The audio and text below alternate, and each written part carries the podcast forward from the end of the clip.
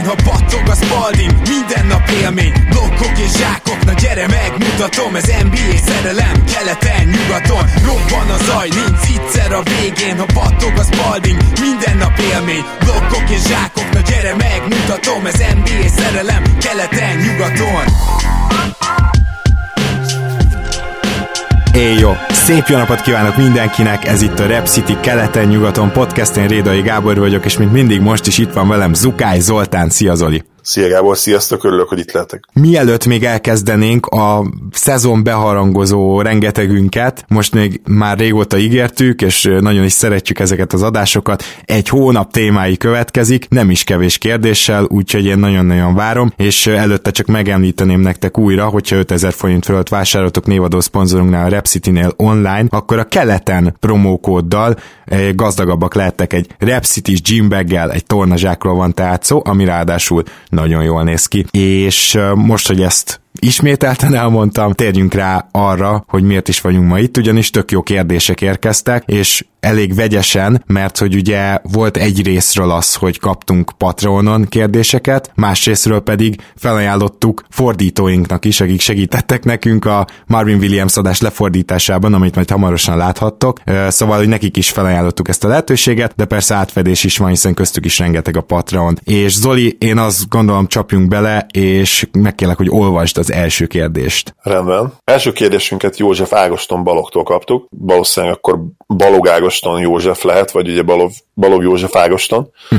És maga a kérdés pedig, hogyan alakult ki a GM pozíció, milyen jogköre van, hogyan funkcionált régen és most. Ez a GM, vagyis ugye a General Manager pozíció, ez nem csak, hogy egy viszonylag új keletű dolog, de, de elég specifikus az amerikai sportokra nézve. Ugye tudni kell azt, hogy régen az NBA-ben az edzők is ugye nagyon sokáig játékosok voltak, tehát játékos edzők vezették ugye a csapatokat, ők állították össze a taktikát, és elég komoly átfedések voltak a pozíciók között. Aztán amikortól egyre több és több pénz került bele ugye a profi sportokba, a major ligákba, onnantól kezdve kikristályosodtak ezek a funkciók. Még régen nem is feltétlenül volt nevesítve ez, ez a pozíció, utána teljesen egyértelműen kialakultak, és hogy milyen jogkörök tartoznak a GM alá, elsősorban ugye ma már a keret összetételért, illetve összerakás munkásért felelős ez ember, illetve a szerződések kidolgozásáért, amelyhez természetesen sportjogban járatos ügyvédek segítségét is kérik. Igen, és szerintem azt is fontos hozzátenni, hogy itt nem is csak a játékosokról van szó, hanem ugye az egyzőt is, egy GM nevez ki, ezen kívül a, a staffnak a legnagyobb részét, tehát a, a,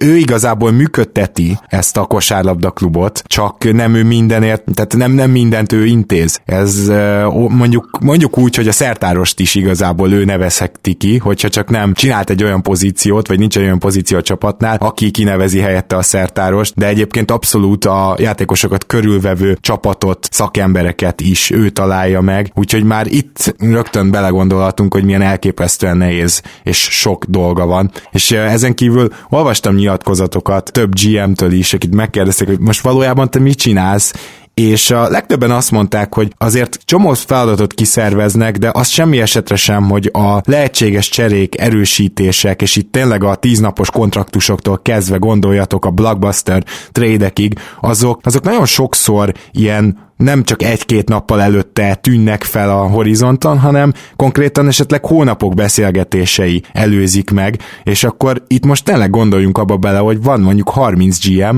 aki hónapokon át, sőt, egész évben beszélget egymással, tehát nem nagyon telik új nap, hogy ne beszélgetnének, hogy kicsit felmérnék azt, hogy mi a másik igénye, és ezek a GM-ek közben versenyeznek is egymással úgy üzleti partnerek, hogy, hogy ők szeretnének legjobban kijönni. Tehát, hogyha mindezt egybeveszed, akkor, akkor szerintem lehet látni azt, hogy egy GM feladata jelenleg az napi több óra telefonálás.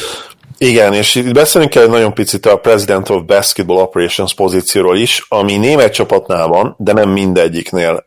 Egy csapat, és itt gondolom valószínűleg a tulaj akkor dönthet úgy, hogy mind a kettő pozíciót ő kijelöli. Például ilyen szituáció volt ugye a, a Boston Celticsnél, amikor ugye a híres edző Red Auerbach volt a csapatnak az elnöke 1980-ban, és mellette volt John Walk, aki pedig a GM volt, de még a GM-nek is tulajdonképpen Auerbach felé kellett jelenteni, ha bármikor olyan döntés volt, aminek a kosárlabdához volt köze. Tehát így gyakorlatilag egy ilyen felülvigyázó, illetve nyilván egy olyan jogköre is volt Auerbachnak, amivel megvétózhatta a, a GM kosárlabda döntéseit. Igen, de ugye ez van például a Raptorsnál is Uzsirivel, tehát van, van ma is abszolút példa erre, vagy Pat Riley, és nem is véletlen, hogy még ha nem is GM a hivatalos pozíciója Uzsirinek, de, de azért őt szoktuk emlegetni. Igen, igen mindenki ő gondolja GM-nek, és nem véletlenül, mert, mert tudjuk azt, hogy az igazi hatalom, a Raptorsnál most az ő kezében van, természetesen tulajt leszámítva. És akkor most ugrok, mert több kérdést kaptunk a témakörben, hogy jobban kifejthessük, és ezt köszönjük Józsefnek, Ágostonnak, én Józsefre tippelek, szóval, szóval van egy olyan kérdés, hogy mennyire kell lavírozni egy GM-nek a tulajdonos egyző játékos háromszögben, és ezt barom jó kérdésnek tartom, és röviden annyira, hogy ugye a tulajdonostól igazából sok minden függ, mert van olyan tulaj, lásd Mark Cuban, aki bizony nagyon szeret a mindennapokban is ott lenni, és ez nem azt jelenti, hogy minden döntést felülbírál, mint például ugye Givek az indiai tulajdonosa a Sacramento-nak, ahogy csinálta ezt az elején, hanem, hanem azt, hogy ő meg akarja érteni. Ő meg akarja érteni azt is, hogy hogy játszik a csapat, hogy a GM miért azt a döntést hozza, de persze vannak olyan tulajdonosok is, akik meg azt mondják, hogy jól van, én kineveztelek téged, működjön jól a franchise, hozzon pénzt, esetleg nyerjünk.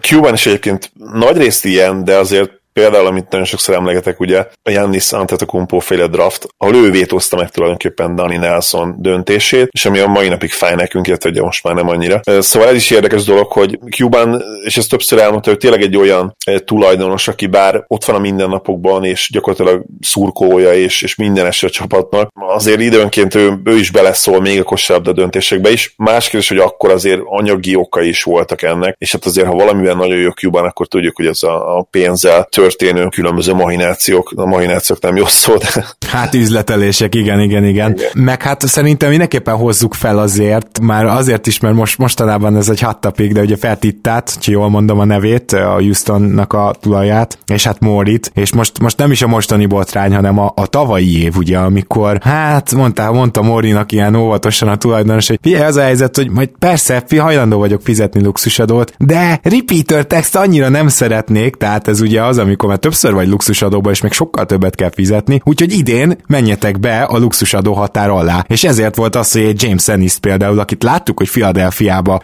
mennyire jól játszott a playoffban, egy James Ennis elcserélt a Houston, vagy kitett a keretéből, tehát itt olyan dolgok történtek, amit Mori önszántából biztos nem tett volna meg. Egyszerűen a tulajdonos szólt, hogy jó, akkor most én nem szeretnék repeater text fizetni, és ezért most ebben az évben kerüljünk be szépen a luxusadó határ határ alá, és aztán jövő évben megint fölé mehetünk. És ilyenkor a GM nem tud mit tenni, meg kell csinálnia, amit a tulajdonos rendelt. Igen, kaptunk egy másik kérdést is, ami, ami szintén ugye Ágos Józseftől. József valószínű, azt mondtad? Igen, én, én arra gyanítom. Rendben, akkor legyen József, Józseftől. Kit tartotok, vagy milyennek kell lenni egy ideális GM-nek? Szerintem ez jól ide passzol, mert én erre a kérdésre is azt válaszoltam volna, hogy nagyon-nagyon szituáció, illetve emberfüggő, illetve kapcsolati tőke függő, és, és válaszol akkor a másik kérdésre, hogy mi az ideális. Szerintem a kapcsolati tőke az, ami talán a legfontosabb ez nem egy olyan pozíció, mint egy scout, vagy, vagy akár egy edző. Itt szerintem az első pillanattól kezdve hatékonynak kell lenned, kell, hogy legyen tapasztalatod, kell, hogy legyen kapcsolati tőkéd. Indulhatsz relatíve lentről, ahogy például Masai tette, aki ugye egy scout volt, de évtizedek kemény munkája kellett ahhoz, hogy ő is eljusson erre a szintre, és ez valahol egyébként logikus is, hogy, hogy ide nem lehet akárhogy bekerülni, mert gondoljunk bele, abba 30 ilyen pozíció van a világon, hogyha most az NBA-re szorítkozunk, és hát valószínűleg csak és kizárólag az NBA-re kell szorítkoznunk. Tényleg az egyik leg leglehetetlenebb, legkompetitívebb karrier pálya ez gyakorlatilag a GM pozíció. Bár Massa ugye nem hivatalosan GM, most én azt gondolom, hogy mégis most a gold standard ebben, így a bajnoki év után, és, és én őt is fogom megemlíteni majd egy másik kérdésnél is, amit hamarosan szerintem szintén felteszünk. Igen, és, és hát egy ideális GM, mi, mióta látom azt, mióta jobban belelátok, hogy mennyire elképesztően bonyolult és nehéz, és sokkal inkább sokrétűbb, mint, mint nekünk felmenni a trade machine-t basztatni.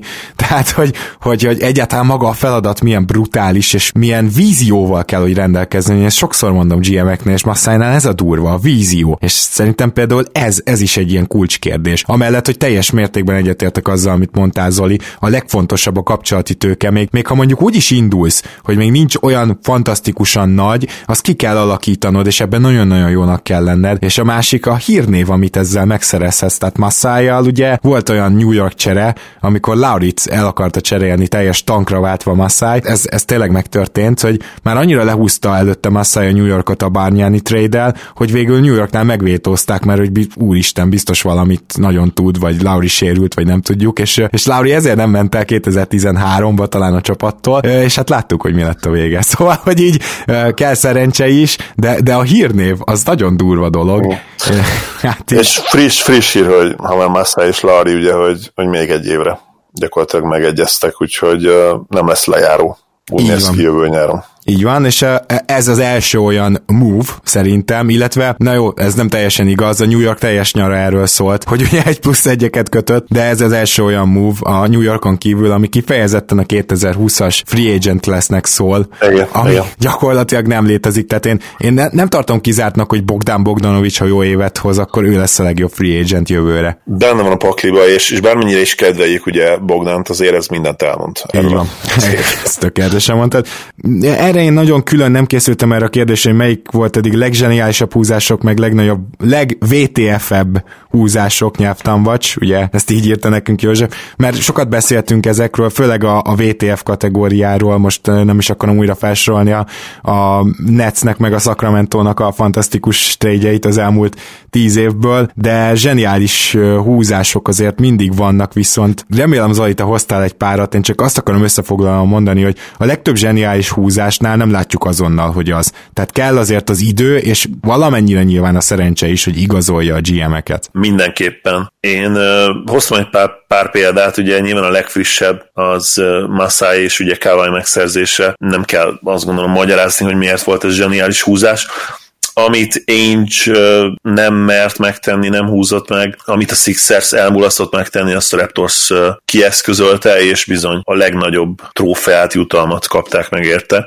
És csak gondolkodjunk el azon, bocsánat, hogy Danny Green is érkezett, aki szintén nagyon fontos része volt ennek a csapatnak. Nyilván playoffja annyira nem sikerült jól, de hát az alapszakaszban, amikor 47%-kal triplázol, az sokat elmond, és ugye ő egy jó védő. És cserébe Massai úgy kezdte az egész tárgyalást, hogy sem Sziakamot, sem emojit nem adjuk. És en, így még adtak egy, ez is nagyon vicces, top 20-as volt a véde, védelem azon a pikken, ami végül ugye átment a spurs Tehát még a pick sem volt unprotected. Hát így utólag, hát ez az elmúlt tíz év egyik legfantasztikusabb cseréje az egyik oldalról. Ez nyilván azért kellett az is, hogy, hogy a spurs tudjuk, hogy 20 éve nem hogy relevánsak, de gyakorlatilag majdnem minden éve contenderök és, és stabil playoff csapat, azokban az években is, amikor talán nem contenderek, és mint ilyen csapatnak azért egy Demar DeRozan nagyon-nagyon jól jött, és, és pontosan olyan típusú játékos, aki beleillett a képbe. Ennek ellenére azért Massai mindenképpen megérdemli az elismerést, mert még így is ugye, hogy Kawai tovább állt,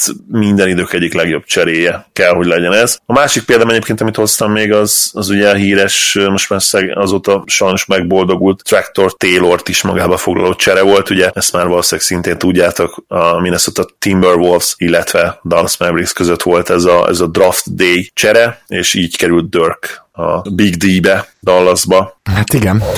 Már, már akkor, ha jól emlékszem, Cuban alatt talán a, a, valahogy ott akkor tájt kezdődött el Cuban Mavericks karrier, és talán nem abban az évben, nem lehet, hogy egy évre rá, de, de lehet, hogy már ott volt ugye a 90-es évek végén. Igen, de a, ami fontos, hogy, hogy ez megint csak egy ilyen hatalmas vízió volt, hogy, hogy meglátták Novickibe azt, aki ez mondjuk a jó scouting, például ezt azért sok csapat most már sokkal jobban csinálja, de a, a 2000-es években még akkor a különbség volt egy Spurs scouting és egy átlagos csapat scoutingja között, hogy ezt zongorázni se lehetne. Igen, meg azért a scouting ma már én azt gondolom, hogy könnyebb, tehát olyan hihetetlen mennyiségű anyag áll rendelkezésre, de ugye az internet segítségével highlight videók garmadáját küldik már eleve a scoutoknak. Van egy ilyen előválasztás, ugye ki, tudja, ki tudják ők választani, hogy egyáltalán hova menjenek el, kit nézzenek meg. És lehet, hogy egyébként ez bizonyos szempontból meg is nehezíti a, a munkát, hiszen sokkal több a bejövő input, de, de azért sok szempontból megkönnyíti. Tehát, hogyha tényleg értesz a dolgot, dolgothoz, mint játékos megfigyelő, és, és tudod azt, hogy pontosan tudod, hogy mi kell a csapatodnak, jó kapcsolatod van az edzőkkel is, jó kapcsolatod van a tulajjal, Brownjal, akkor, akkor azt gondolom, hogy nagyon jó munkát lehet végezni ma már. És még ez egyébként, ez a kategóriához említsük meg Jerry Westet, akinek gyakorlatilag az egész GM karrierje ide, ide vonatkozik, Igen. ide lehet citálni, mint pozitív példát, szenzációs meglátásai voltak. Tényleg soroljuk fel egy picit a Jerry West játékosokat, akit nem azt mondom, hogy ő fedezett fel, de legalábbis ő szerzett meg. Az újkori Warriors például nem azt mondom, hogy csak neki köszönhető, de lehet, hogy legnagyobb részben neki köszönhető, ugye 2011-ben tért vissza ugye a GM, GM munkához, amikor ugye elment, hogy Joe Lacobnak és Peter Gubernek dolgozzon. Steph Curry akkor ugye már ott volt a minden igaz, de Jerry West draftolta Clay thompson ugye a 11. helyen a 2011-es drafton, aztán Draymond green a következő évben, de ő draftolta például Nick Fanexelt a második körben, az is azért minden idők egyik legjobb eh, második körös találata, ugye Draymond mellett, illetve Eddie Jones például az első körben, 94-ben. Természetesen ő volt az, aki ugye Vladét elcserélte a fiatal Kobe Bryantért 96-ban, ami még akkor is nagy fegyvertény, hogyha tudjuk, hogy Bryant azért elég komoly ultimátumot adott mindenkinek, Igen. és gyakorlatilag megfenyegették a fél ligát, hogy nem merészeljetek lehet draftolni. És tényleg, hogyha cserékről is beszélünk, nyilván se, hogy összeállt az nagy Lakers, összehozta minden idők legjobb keretét, szerintem a 2000-es évek elejei Lakers, azért az az elég komoly, és, és hát azóta sem pihen az ember, ugye, erre a legfrissebb, sokak szerint legnagyobb bajnok és Clippers a példa. Hát bizony. Uh, és még, még az van egy olyan kérdésünk is, hogy kire érdemes figyelni. Itt nyilván most felsorolhatnánk a szokásos neveket, de én akkor a következő egy-két évben nyilván a, a kérdés is arra vonatkozik, hogy ki robbantat, vagy kire figyeljünk úgy oda, hogy ő majd berobban, mint GM. Hát Jason Wexler és a, a körülötte lévő stáb, mert beszéltünk a Memphisnél erről, hogy itt nagyjából négy-öt ember hozza egyszerre a döntéseket. Én, én skeptikus lettem volna egy ilyen felállással kapcsolatban, de hát eddig, amit csináltak, ahogy végig is mentünk rajta a Memphis értékelőnél, szóval én őt mondanám, figyeljünk oda, hogy a Memphis milyen üzlet ötleteket csinálgat majd, mert eddig nem nagyon csináltak rosszat, és, és sokat csináltak négy hónap alatt, és megfordították ennek a franchise-nak a, a dolgait, pedig ott aztán tényleg szörnyű volt, amit Chris Wallace előtte leműveltek ugye a, a Memphis GM-i pozíciójával, tehát gyakorlatilag az egyik legrosszabb főnökségből egyelőre egy nagyon ígéretes lett, úgyhogy én őket mondanám, hogy érdemes lesz figyelni. Igen, plusz nyilván John Horst is azért szerintem nagyon-nagyon jó munkát végzi a Bucksnál, nyilván bele van most kényszerülve abba, hogy bele volt a kényszerű, hogy visszhozzák az egész csapatot, és gyakorlatilag az ő értékelését az fogja eldönteni, hogy sikerül a bajnoki cím vagy sem. Ez egyébként valahol szerintem igazságtalan, de most az ugye adott, és Travis Lanket is nyilván meg kell említenünk, aki most a, a hawks csinál nagyon-nagyon jó dolgokat. Nála is azért alapvetően kérdéses még a dolog, nyilván attól függ, hogy, hogy ezt ki kell mondani, és akkor megint fel kell hoznom Luka Doncsicsban milyen játékos lesz. Ha korszakos egyeniség, és mondjuk Trey nem feltétlenül jut el el arra a szintre, akkor azért slenket még elő fogják venni, én azt gondolom. De kiderül hosszú távon az, hogy akár több lúd disznót győzött, vagy, vagy kiderül, hogy Trae Young a disznó, és, és nem, nem feltétlenül Luka, akkor meg nyilván hát imába foglalják a nevét, és, és lehet, hogy kap egy szobrot is majd, mert hihetetlen tehetséges ez a fiatal alakulat. És hogy ki az, akit azonnal ki kéne rugni? Hát James Jones. Sen, szerintem senki nem érti, hogy mit keres még ott. Tehát igen. Mármint LeBron biztos örül, hogy így az aktuális csapatát még azóta is segítgeti. Na mindegy, ne is menjünk bele. Egyet kell, hogy értsük veled, bár megműszti nekem a Rubio igazolás nagyon tetszett, de, de nyilván ott azért szerencsé is kell menni. Az például Aiton, Aitonnak olyan fejlődésen kell keresztül menni, ami, ami James Jones-t is más megvilágításba helyezheti, és hát Bookernek is, bár box kostatjai alapján már ugye most szupersztárt emlegethetnénk, tudjuk, hogy a valóságban ez azért nem így van, neki is azokat a számokat tényleges impactékkel változtatnia, váltania. Lehet, hogy akár még rosszabb statokat is hoz majd, de, de az kellene, hogy sokkal jobb játékos legyen, mint most. Jön Horváth Gábor kérdése.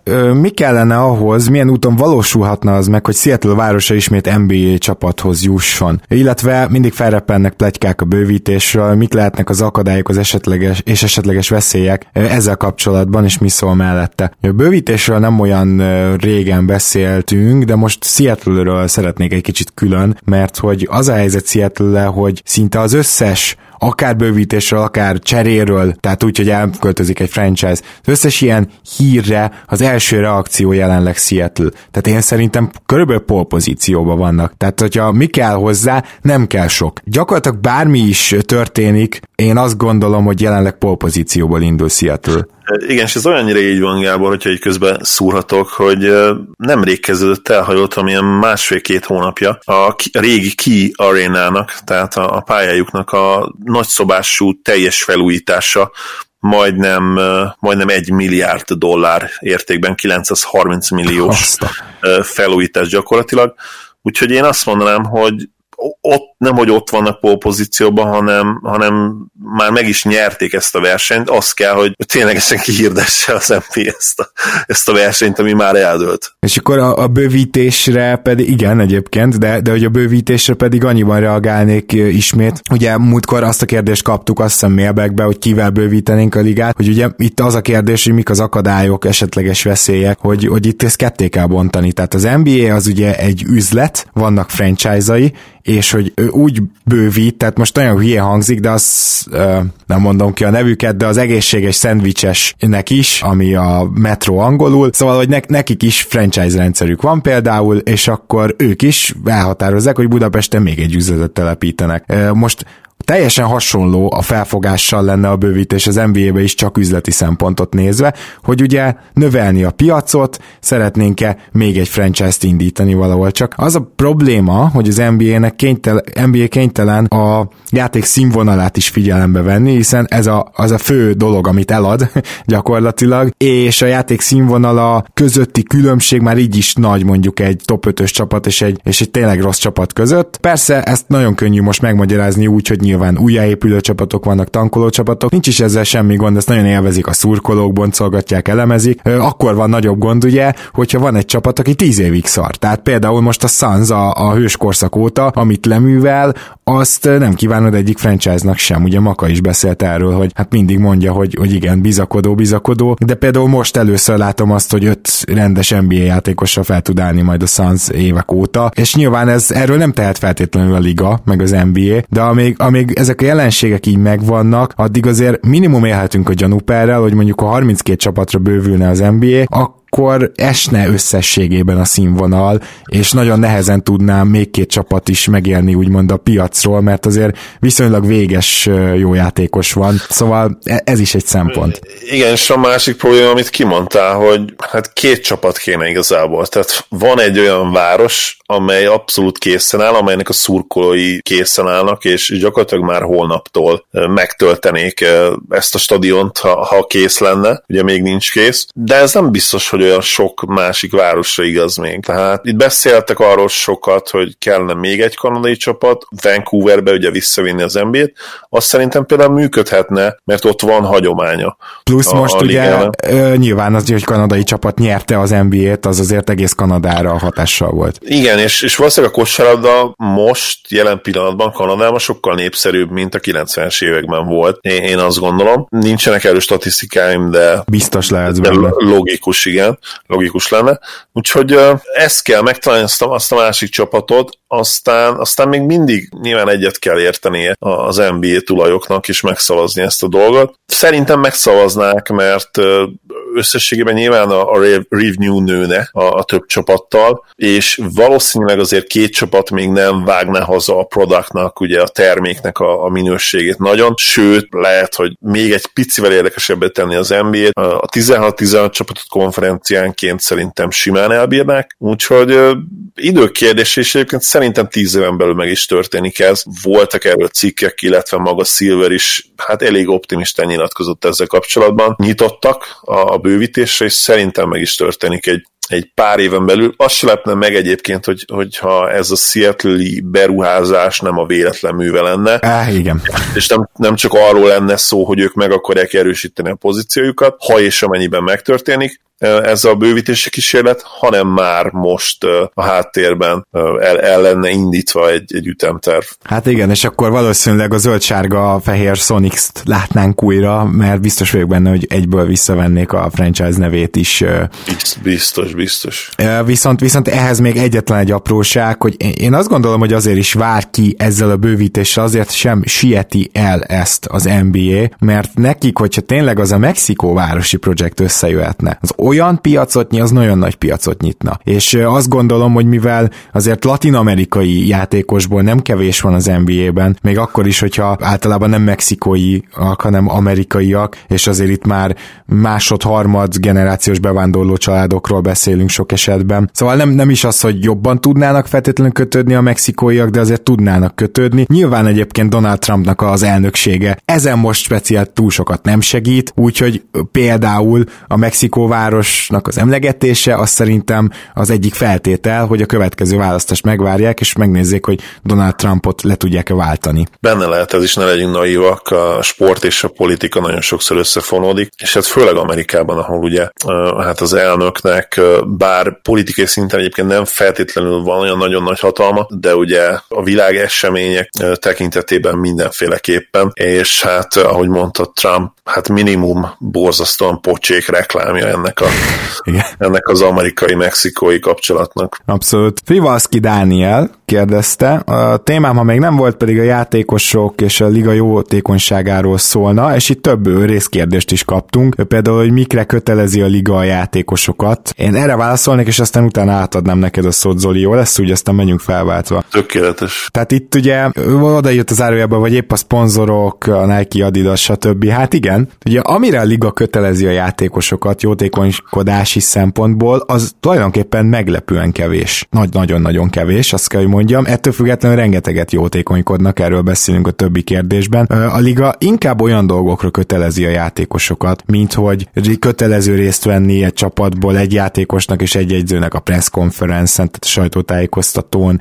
Arra kötelezi, hogy, hogy hát hogy volt ez az egész öltözködési, úgymond botrány, de ugye most már nem nagyon jelenhet meg a NBA játékos nálánál három mérettel nagyobb farmerben, stb. És inkább ilyen jellegű külsőségekre kötelezi, illetve arra, hogy pontosan mit nyilatkozhat, vagy mit nem sérthet meg a nyilatkozatával, erre is oda kell, hogy figyeljenek, illetve ugye az NBA külön eljár olyan valhés esetekben, amikor egy játékos valami olyat tesz, amiért a rendőrség is feljelenti. Tehát az NBA-nek itt van egy külön eljárása is, és eltiltják mondjuk jó sok meccsről adott esetben. Meg ezen kívül nyilvánvalóan van egy doping szabályzat ugyanúgy az NBA-ben is. Tehát ezek azok, amiket inkább az NBA elvár. A szponzorok az viszont egy picit más kérdés, mert amikor látjátok azt, hogy egy meccs utáni nyilatkozathoz is valahogy elszalad a játékos a sapkáját és felveszi. Tehát ez a mai napig ö, megtörténik. Tehát a szponzorok viszont inkább olyan dolgokat várnak el, hogy a, a nyilvános megjelenéseknél egyszer se felejtse el reklámozni a márkát, és szerintem ez tud kötődni egyébként az olyan eseményekhez is, ami charity, tehát ami jótékonysági esemény. Szerintem elég gyakori, hogy ott is feltűnnek a saját márkájukban, a saját szponzoruknak a ruhájába, cipőjébe, sapkájába. Igen, az NBA-nek vannak úgynevezett jótékonysági promóciói, és ezeket veszik ők igazán komolyan, és amit Gábor mondott, ilyenkor azért meg van határozó, hogy a csapatoknak is be kell állni a sorba. Ha jól tudom, például a Merrák Awareness hónap, Igen. ugye Breast Cancer Awareness hónap, az nba talán nem volt teljes hónap, az nfl ugye volt többször is, de azt tudom, hogy, hogy az NBA csapatok is szoktak például ilyen Breast Cancer Awareness estéket csinálni, amikor ugye használják a most már elég híressé vált rózsaszín szint, amit ugye összekötünk ezzel az egyébként remek kezdeményezéssel, és van, van ezek mellett ugye az NBA határok nélkül programok, ahol kijelölt játékosok bizonyos csapatokból meglátogatnak olyan országokat, ahol a jelenlétükkel tudnak egy kis pozitív bust generálni, egy kis, egy kis pozitív folyamatot beindítani, nyilván pénzzel is segít az NBA, de, de főleg azzal, hogy, hogy a sztárjaik felhívják a, a figyelmüket az ilyen kezdeményezésekre. Azért azt pár... gyorsan tegyük hozzá, hogy ez már ez a része már nem úgy működik, hogy rámutat, hogy te mész, hanem azért itt, Igen. és például amikor Afrikába mennek, akkor nyilván egy Szerzsi Bakal, meg az afrikai kötődésű játékosok, azok sokkal inkább elmennek, maguktól is elmennének gyakorlatilag. Így van, és hogy mondod ezt, mert, mert ide kapcsolódóan én találtam egy, egy 22 oldalas PDF tanulmányt, aminek a címe az, hogy profi sportolók és, és jótékonysági alapítványok. Egy nyomozás ez a cím. Nem olvastam még azért a 22 oldalas PDF-et, hogyha nem haragszatok, nem. De, de a konklúziója egyébként nagyon érdekes, mert érdekes, de egy egyébként ezzel együtt nagyon-nagyon kiszámítható és logikus is. Azok a játékosok, itt konkrétan az NBA-re térkéz a tanulmány ebben a konklúzióban, azok a játékosok jótékonykodnak, akik idősebbek már, karrierjük második felében vannak, és, és tehetősek, tehát nagy szerződésük van. Nyilván nekik van az ilyen típusú játékosoknak van a, leg, a legtöbb eszköz a kezében, és, és itt most ténylegesen anyagi eszközökre gondolok, de nem csak feltétlenül anyagi eszközökre, hanem, hanem kapcsolati tőkére, illetve hát nyilvánvalóan több olyan kezdeményezés keresi meg őket, melyre potenciálisan igent mondhatnak, és ne legyünk naívak, meg álszentek, azt is meg kell említeni, hogy bizony egy játékos brandjének nagyon-nagyon jót tesz az, hogyha jótékonykodhat. Többek között ezért is, meg persze azért, mert nyilván a nagy többség ezeknek a játékosoknak jó ember. Én azt gondolom, hogy, hogy egyébként is bizonyos szituációkban önzetlenek lennének, de ez is kell, hogy a brandjüknek nagyon-nagyon jót tesz az, hogyha beállnak, vagy akár saját ők maguk csinálnak egy, egy saját névvel ellátott alapítványt, és ez bizony a nagyon nagy sztárok, hát szerintem 90%-ára igaz. Igen. Tehát Kevin Duranttól kezdve LeBron Jamesig, ugye kérdező említette LeBron, Twin Wade, Dirk Nowitzki, gyakorlatilag tényleg mindenkit fel lehetne sorolni, van vagy saját alapítványuk, vagy, vagy valamilyen nagyon komoly alapítványban, akár nagykövetként, akár más pozícióban nagyon régóta ott vannak, és szerintem ez szuper dolog. Az is meg kell említeni, hogy adózási szempontból ez bizony sokszor előnyös. Az amerikai rendszer úgy van kialakítva, hogy bizonyos jótékonysági tevékenységekért, illetve jótékonysági szervezet létrehozásáért adó kedvezményekben részesülhet az illető, de ne legyünk nagyon rossz indulatúak, ez egy apró szerepet játszhat, megkönnyíti valószínűleg azt, hogy jót tegye, de nyilvánvalóan azért itt a játékosok döntő többségénél itt egy teljesen őszinte kezdeményezésről van szó, és elsősorban azért tesznek jót, mert viszonozni akarják azt az anyagi, illetve társadalmi megítélést, amiben ő, pozitív megítélést, amiben ők részesülnek. Igen, és uh, ugye a, kérde, a további kérdések között szerepelt az is, hogy miket csinálnak az NBA játékosok, meg miket támogatnak. Itt, uh, hát ez végtelen, tehát itt nagyon sok, de akkor kezdeném azzal, hogy azt hiszem a, a kérdések legvégén írta a kérdezőnk, hogy bizony ő gondolna így a, a kempekre is, amit tartanak. Szerintem gyakorlatilag nincs olyan fix szerződéssel rendelkező NBA játékos, aki a saját, hát most mondanám azt, hogy városában, de hogyha mondjuk New Yorkból származik, akkor meg saját kerületében ő ne tartana nyári táborokat. Tehát ez, ez egy olyan alap dolog. Én teljesen meglepődtem, amikor megtudtam például Fred Van hogy ő is tart ö, saját táborokat, és már akkor is tartott, amikor még nem kapta meg ezt a mostani szerződését, ami ugye már sok millió, hanem az egy-két milliós szerződéséből is. Tehát, hogy szerintem gyakorlatilag nem találnánk olyan játékost, aki ezt ne csinálná mondjuk 24 éves kor fölött. Igen, viszont ezzel kapcsolatban egyébként meg kell említeni, hogy, hogy ezek időnként fizetős táborok, és már nem emlékszem, hogy kivel kapcsolatban, de olvastam egy olyan, olvastam egy olyan ilyen feltáró cikket egyszer, hogy ugye egyik NBA játékos megcsinálta azt, hogy így kétszer gyakorlatilag megmutatta magát ebben a táborban, és egyébként nem is volt ott, és a részvevő gyerekek, illetve a családjék bizony hát tagdíjat kellett, hogy fizessenek, úgyhogy itt azért lehetnek ilyen horror sztorik is egyébként. Tényleg nem emlékszem, melyik játékos volt, megpróbálok utána nézni ennek. Viszont ugye azért főleg a, a, az nemzetközi ö, játékosok, őnáluk egészen elképesztő sztorik vannak. Tehát ugye már emlegettem korábban Sergi Bakát, ö, aki, aki gyakorlatilag kongói származású, és ami Kongóban kosárlabda, azt mondják, hogy az, az nagy rész neki köszönhető elképesztő mennyiségű tábor tart, tényleg nyaranként hazautazik, a gyerekek között van, egyzőket képez, és, és ezt sokakról el lehet mondani, tehát azért ugye tudjuk, hogy Embalmutnak a, a táborában lett felfedezve Embiid, meg, meg ezek a történetek azért eljutnak az emberekhez, tehát például Afrika ilyen szempontból egy olyan terület, amit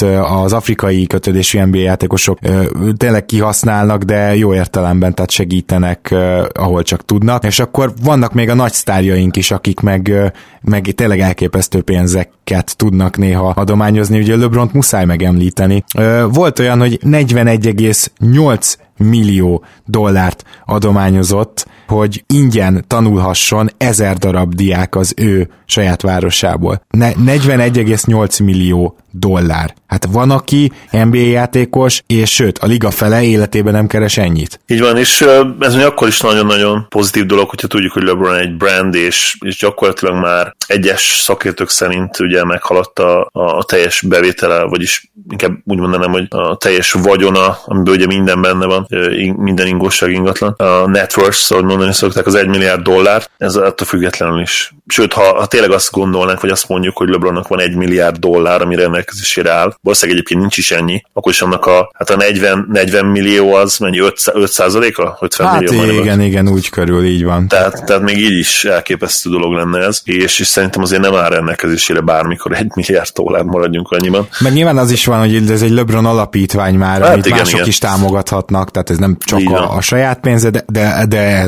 azért ne tévedjünk, nagyon sokat beletesz a saját pénzéből. Még John volt akartam felhozni, mert hogy ő neki volt egy ilyen közös sztoria, hogy valamilyen leukémiás kisgyerekre talált rá, aki neki a nagy rajongója volt, és annyira megér, megérintette maga a történet, hogy azóta tehát akkor nem tudom, ott abszolút elsírta magát, nagyon utá, utána követte is a fiúnak a sorsát, és a lényeg az, hogy ezek után ő rengeteg pénzt tölt abban, abba bele, hogy létrehozzon egy olyan alapítványt, ami a, a leukémiásokat segíti, és, és gyakorlatilag ez neki ilyen napi fontosságú kérdés lett. 2000 15-16-ban van egy ilyen NBA Cares Season Long Community Assist Award, amit most hagyd ne fordítsak le, az a lényeg, hogy az év nagy jótékonykodója ezt a díjat például megkapta 16-ban, tehát azért ez, ezek nagyon szuper sztorik szerintem, és egy kicsit ez is mutatja, hogy ezerféle dologra tudnak költeni a játékosok, attól függően, hogy mi az, ami valamilyen formában az életben szembe jött neki. Igen, Pau Gasolt is ki kell emelni, Joachim Noát is, mind a ketten megkapták ugye Walter Kennedy Citizenship Award gyakorlatilag folyamatosan dolgoznak gyermekkórházakkal, mindenféle promócióban benne vannak, és, és ténylegesen ott vannak. Ugye Gasol családja, ha jól emlékszem, nem, nem akarok hülyeséget de mintha édesanyja és édesapja is orvos lenne, illetve talán, talán a tesó is, illetve ő maga is sokszor mondta, hogy orvos lett volna, ha nem profi válik. És, és hát Noát is ki kell emelni aki, akinek volt egy Rock, Rock Your Drop nevű kampánya, ahol, ahol LeBron programjához hasonlóan gyakorlatilag iskolai programokra nyújtott olyan olyan területeken, ahol, ahol hát nagyon nehézkes a családok minden nap élete. Russell Westbrookot is ki kell emelni, illetve volt csapattársát is, és volt barátját, Kevin Durantot, ugye mind a ketten sűrűn és, és komoly összegekkel vannak benne. Abszolút. Jó, jótékonysági promócióban, illetve ha már az afrikai vonalat említettük, akkor Luol Denget is. Uh, és szintén afrikai vo- vonulat Gorgi Dieng, szintén Igen. Őt is, és még, még egy, amit viszont nem biztos, hogy gondolnátok, Steph Curry is a, a, az afrikai gyerekeknek a, de nem feltétlenül a kosarazás, hanem hogy ő egyáltalán az afrikai szegénységet tűzte ki, úgymond az ászlójára, és hogy annak az eltüntetésében több úton is próbál keresni. És akkor még egy tabószefolósáról nem tudom, hallottál ez Zoli uh, ilyen szempontból. Szóval ugye neki, nem, neki nem. ő volt az egyik olyan első NBA játékos, akinek volt olyan botránya, hogy egy rendőr, miért, mert hogy hát legalábbis ő, most maradjunk annyiban, hogy szefolós állítása és a bíróság szerint is azért tartóztatta le elsősorban, mert fekete. És, Arra emlékszem a sztorira, igen. Igen, és ő, ő az... Től eltört a bokája akkor a hát Igen, igen, igen, és ugye szefolósa ezt annyira a szívére vette, hogy azóta ezzel foglalkozik, és például Atlanta közelében azt hiszem ilyen ügyvédeket képez, meg alapból akkor pert nyert, kapott 4 millió dollárt, és annak a nagy részét is erre költötte. Tehát azt mondom, ez nagyon fontos, hogy mi jött szembe az NBA játékos életébe, mi az, ami megérintette őt, vagy pedig mondjuk honnan jön. Tehát e- ezek nagyjából a befolyásoló tényezői annak, hogy mire költ, szerintem. Igen, mindenképp. Sokszor például, hogyha egy, egy családtagnak valami betegsége van, és, és sajnos elveszítik a küzdelmet, annak szinte mindig a, a híres sportoló családtag annak a betegségnek a, a lelassítására, megfékezésére szokott alapítványt csinálni, és ez, ez nyilván rendben van, tehát mindenki saját élettapasztalata alapján halad, halad tovább, és, és valószínűleg így is lehet ilyenkor ezt feldolgozni, hogy próbálsz tenni az ellen, hogy mások is, próbálsz tenni az ellen, hogy, hogy másoknak is át kelljen élni ezt a dolgot. Mielőtt megkérlek, hogy a következő kérdéseket olvas fel Szabó Miklóstól előtte, hogy mondjam el, hogy nagyon hálásak vagyunk nektek, hogy támogattok minket Patreonon, ez ugye nem egy kötelező kötelező dolog, hanem egyszerűen ti döntitek el, felmehettek a patreon.com-ra, havonta akár egy dollártól lehet minket támogatni, mi nem is határozzuk ezt meg, meg nem tudom, nem jár előny azért, hogyha többet adsz, de ez abszolút ilyen dolog, hogyha hogyha valaki szeretne támogatni a munkánkat, szeretné biztosítani azt, hogy ezt nagyon hosszú távon is tudjuk csinálni, és ez fontos neki, akkor ezt megteheti, és nagyon köszönjük. Nyilván ez az adás is a többi között azért is jött létre, hogy eh, mindezt megköszönjük, megháláljuk valahogy, és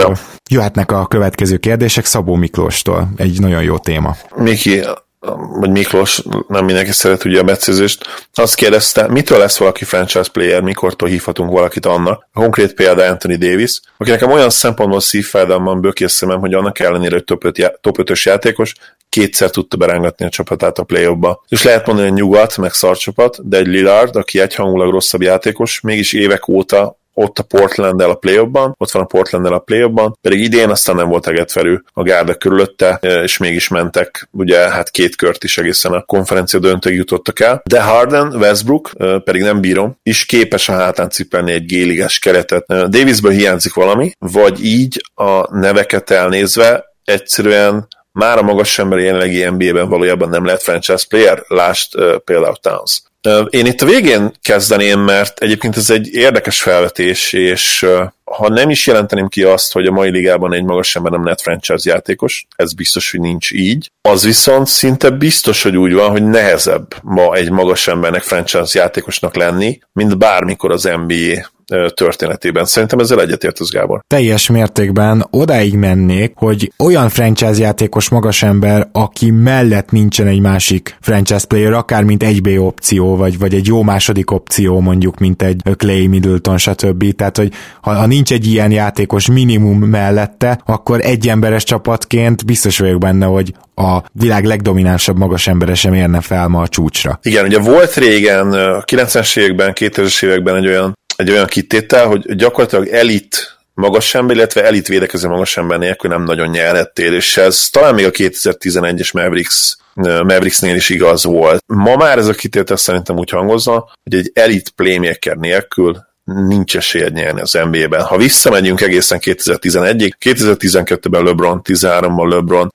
14-es nyilván az valamennyire kivétel, de ha összerakod az akkori Parkert és Ginobili-t, szerintem kapsz egy elit playmaker. Hát meg, hogy maga, uh, ma milyen playmaking volt magában a Spurs-be, Dióval, Duncan-nel. Így van, így van, pontosan. Mégis félig meddig tekintsük kivételnek azt a Spurs, de azóta sincs szerintem egy darab kivétel se. 15 ugye Warriors, Steph Curry, 16 LeBron, 17 Steph Curry, 18 Steph Curry, ugye KD-t is ide lehet venni, mint playmaker, 19 ugye, hát Kawai, aki én azt gondolom, hogy ebben a play abszolút elit playmakerként játszott, Igen. még hogyha az a playmaking nem is feltétlenül ugye a passzjátékkal csúcsodott hát a... ki, hanem, hanem a pontszerzéssel. Igen, de a Raptorsban ráadásul mellette volt négy-öt olyan játékos, aki elit igen. szinten passzolt. Tehát ez meg meg akik, akik összerakták igen azt a skillt mellé, ami, ami szintén kellett. Ma, ma biztos, hogy, hogy sokkal könnyebb egy, egy elit periméter talentnek, talentumnak franchise playeré válni, ez nem kérdés. És hogy Davisből mi hiányzik? Hát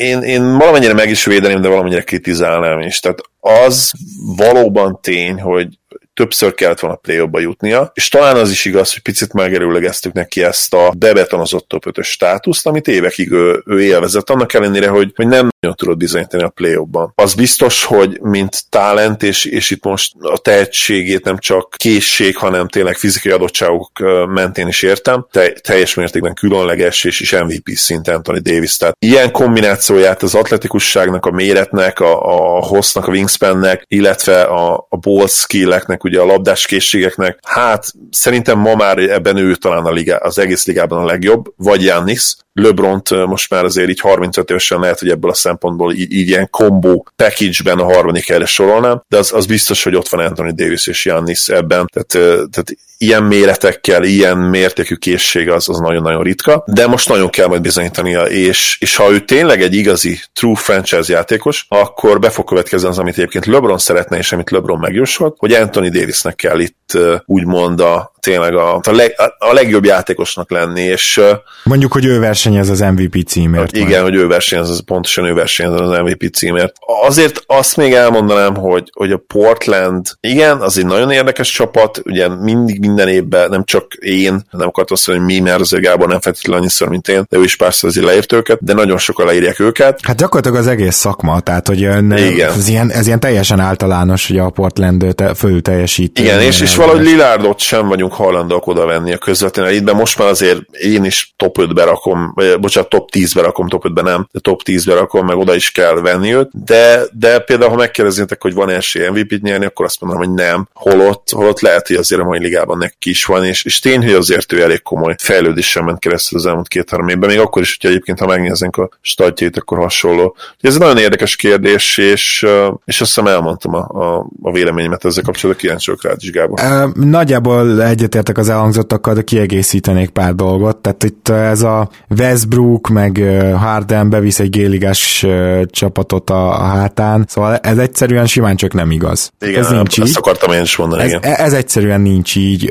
Az sem igaz, hogy a Portlandnek szar volt a kerete. Tehát a Portlandnek a két kicsi, ez volt két védekező vingje, és volt egy Nurkic, aki sajnos megsért a rájátszásra, aki meg pontosan az a passzoló védekező, lepattanúzó center, amire szükség volt. És ez most már szerintem lehet is látni, hogy hova tartok. Oda tartok, hogy amit New Orleansban csapatépítés címen leműveltek, az egy tragédia volt, és nem azért, mert egyáltalán nem voltak ott jó játékosok. Például ugye Drew Holiday kiváló, jó játékos, jó fit is Davis mellé. Ez gyakorlatilag egyszer sem volt olyan csapat, ami Davis köré volt építve kosárlabda szempontból. Talán egyszer volt, akkor be is jutottak a rájátszásba. De az a helyzet, hogy Harden körül lehet, hogy úgymond jó, van egy második sztár, oké, az most Westbrook, tavaly Chris Paul, de mi van még körülötte? A pick and rollból a roll magas, ugye Capella, aki mellesleg jó védő és jó pattanózó, és tripla dobók. Tehát hiába mondhatjuk azt, hogy Gerald Green az hogy szerepelhet. Hát egy Gerald Green az néha bedob hat triplát egy meccsen. Egy Gordon simán bedob hat triplát egy meccsen. Egy, egy PJ akkor bedobja a sarok triplát. Az a helyzet, hogy ez egy jó keret egyrészt, sokkal jobb, mint egy a géligásnak neveznénk, és a korábbi években is sokkal jobb volt, másrészt pedig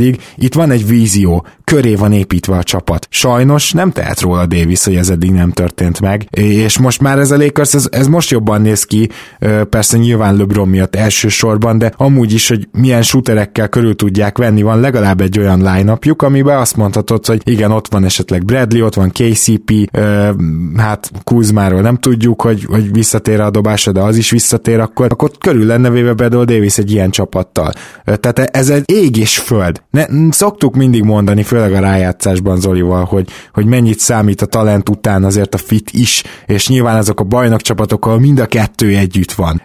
És szartalentből sem lesz bajnok csapat, hiába nagyon jó a fit, és szarfitből meg playoffban nem jutnak csapatok, lásd az a bizonyos Lakers, szóval azért összességében nem igaz az, hogy géligás csapatokat cipelne bárki a hátán, és szerintem Davis meg kell védenünk, nagyon szar volt a csapatépítés New Orleansban. Igen, és soha nem is volt meg soha nem is lesz igaz, én azt gondolom. Olyan van, hogy, hogy egy átlagosnál is, vagy mondjuk így a kevésbé tehetséges playoff csapatok közül egy, egy átlagosnál is kevésbé tehetségeset cipel el sokáig egy, egy igazi sztár. Legjobb példa erre nyilván a 2007-es Cleveland Cavaliers, amit ugye LeBron döntőbe vitt, bár ott ugye négy nuller kikaptak, de, de na, az a csapat tényleg nem, nem volt igazi talent LeBron mellett, még akkor sem, hogyha ott ugye Mo Williamsnek kijött azért egy, egy borzasztóan jó éve, nem, nem olyan játékos, aki, aki segít neked a play és ez ugye ki is derült utána a döntőben illetve ugye az a Bobby Gibson került elő, és hát így utólag én most már azt is mondanám, hogy valószínűleg LeBronnak köszönhetően, aki, aki ott tényleg szenzációs volt a, a play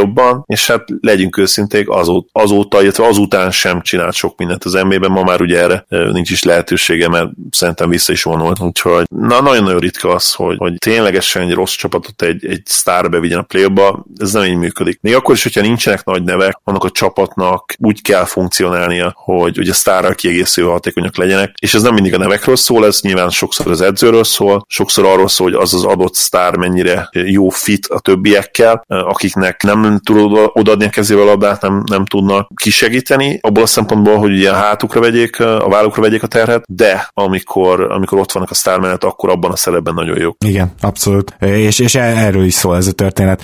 Petszal Áron kérdése lesz az utolsó, amire ma válaszolunk. Ez egy kicsit viccesebb kérdés, és nem is tudom, mennyire mozogtak otthonosan a szuperhősös filmekben. Itt jelezném, hogy erre majd Zoli válaszol elsősorban, mert én gyakorlatilag egyáltalán nem nézem őket, de a szuperhősös sztereotípusokat nézzük. Például a pókember, a feltörekvő zseni, aki a nap végén nő és elismerés nélkül marad, stb. Szerintetek vannak a ligában ezeknek megfeleltethető karakterek, játékosok? Nem tudom, Zoli tányat találtál, de én most a pókemberből kiindulva gyűjtöttem párat, és például van egy-két ilyen meg nem értett zsenie azért az NBA-nek, egy kicsit így out of the box, de Lance Stevenson is végül is ilyesmi volt, aki azért művelt nagyon jó dolgokat is a pályán, csak az is igaz, hogy ezt minden ötödik alkalommal, a többi négy meg valami olyan hiba volt, amivel ártott a csapatának, de például szerintem sokkal érdekesebb példa Alfred Payton, aki azért úgy robbant be az NBA-be, hogy egy zseniális passzoló és jó védő, és, és még tavaly is emlékszem, hogy New Orleansban így tripla-duplával kezdte az évet, szóval így abba a csávóba is benne van ez a zseni, de végül mindig elismerés nélkül marad, és ez pénzügyileg is igaz. Tehát ők jutnak például eszembe, de, de azért vannak korábbi példák is természetesen, tehát uh, szerintem a Fehér Csokit is idehozhatjuk, aki, aki azért sosem volt franchise játékos, és bár zseni volt, de nem, utólag jótékony homály fedi azt, hogy milyen rengeteget hibázott az első éveiben, és, és ő, ő valahogy ilyen fordítottja volt ennek, ő meg a, a szurkolóktól megkapta az elismerést, viszont a GM-ektől meg nem. Én áron kérdését egy kicsit kikértem magamnak, mert nekem hát pókember, mint olyan gyerekkori kedvenc, amikor én elkezdtem képregényeket olvasni a, a 90-es évek elején, akkor ő, ő volt gyakorlatilag a legnagyobb kedvencem, és az, azóta is így van. És bár valóban vannak olyan sztorik, rövid sztorik, amikor nő és elismerés nélkül marad, azért összességében ez nem mindig van így, tehát ezt tegyük hozzá, hogy időnként azért, azért ő elnyeri például a, a nőt is, legyen az Mary Jane Watson vagy, vagy Gwen Stacy, Szóval innen indultam ki, viszont ha már, ha már mindenképpen itt tett fel a kérdést, akkor nekem Pete Maravics jutott eszembe ezzel kapcsolatban, aki... De jó, de jó, de jó akit azóta sztárnak könyvelünk kell, de ugye soha nem tudta befutni azt a, azt a karriert, ami, ami igazán benne volt, csapatszinten nem tudott feltétlenül ö, olyan sikereket elérni, pedig mindegyik egyik legizgalmasabb, legjobb szkórere, aki gyakorlatilag mindent tudott ebből a játékból, és aki mondjuk egy mai érában, fú, hát tripla vonal, ugye akkoriban nem volt tripla vonal, mégis neki gyakorlatilag hibátlan jumpere volt. Mi, mit művel ez az ember a mai Space and Pace ligában? És mindent tudott a labdával, azt már nem is érdemes tudni, amit ő nem tudott a labdával. Így van, pontosan így van. Szerintem ez uh, baromi jó egyébként. De találtál esetleg más karaktereket is? Mert hogy én ebben én, tudom. Én tovább gondoltam egy kicsit ezt a dolgot, mert számomra az még izgalmasabb, hogyha, hogyha az összes NBA játékos nézzük, akkor ki milyen uh, superhero lenne, ki milyen szuperős lenne, és Vince Carter eszembe jutott, mint Captain America két dolog miatt, mert egyrészt hát ránézésre olyan, mintha nem öregedne egyáltalán az ember, és, és egész Amerika imádja Vince, tehát még mindig hihetetlen népszerűségnek örvend. És szerintem ezen két uh, okból kifolyólag ő, ő tökéletes Captain America lenne, illetve ő nem feltétlenül szuperhős vagy szuperhős, de, de ugye nem Marvel vagy DC, Goku, hogyha néztetek ugye animációs mozikat, ez szintén a 90-es években ment, uh, illetve hát ugye Magyarországon akkor ment, és akkoriban néztem. Mostában nem nézem egyáltalán, nem töltöttem le tavaly se a nyolc mozit, nem történt semmi ilyesmi tényleg. És ki lenne, ki lenne Goku?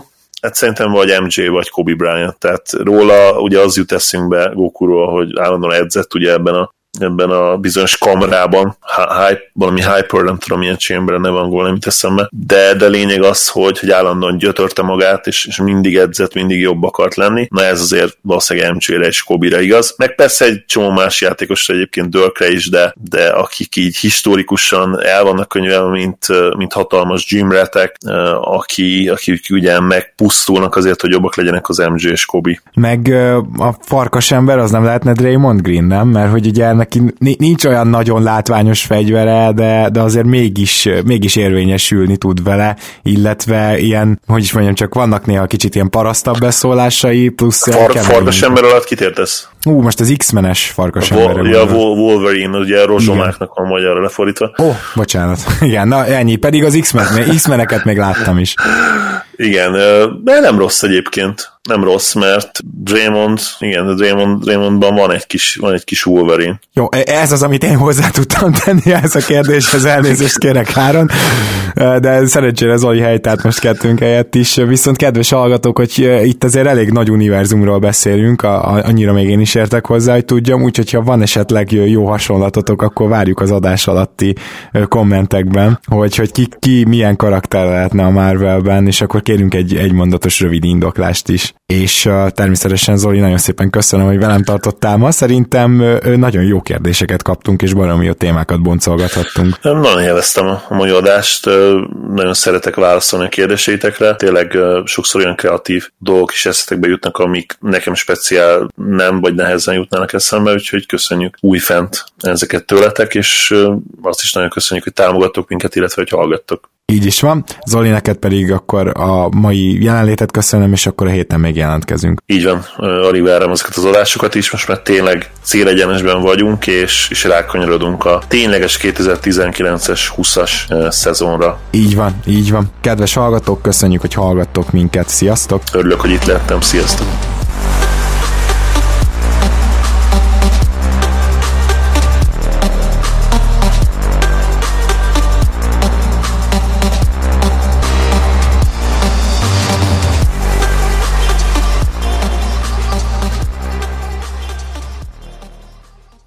Ha más podcastekre is kíváncsi vagy, hallgassd meg a Béton műsor ajánlóját.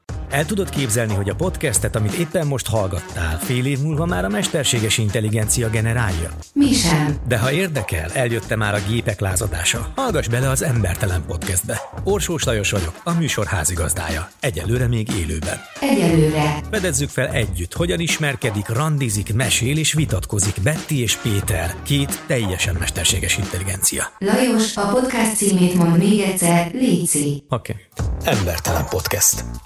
Ez a műsor a Béton közösség tagja.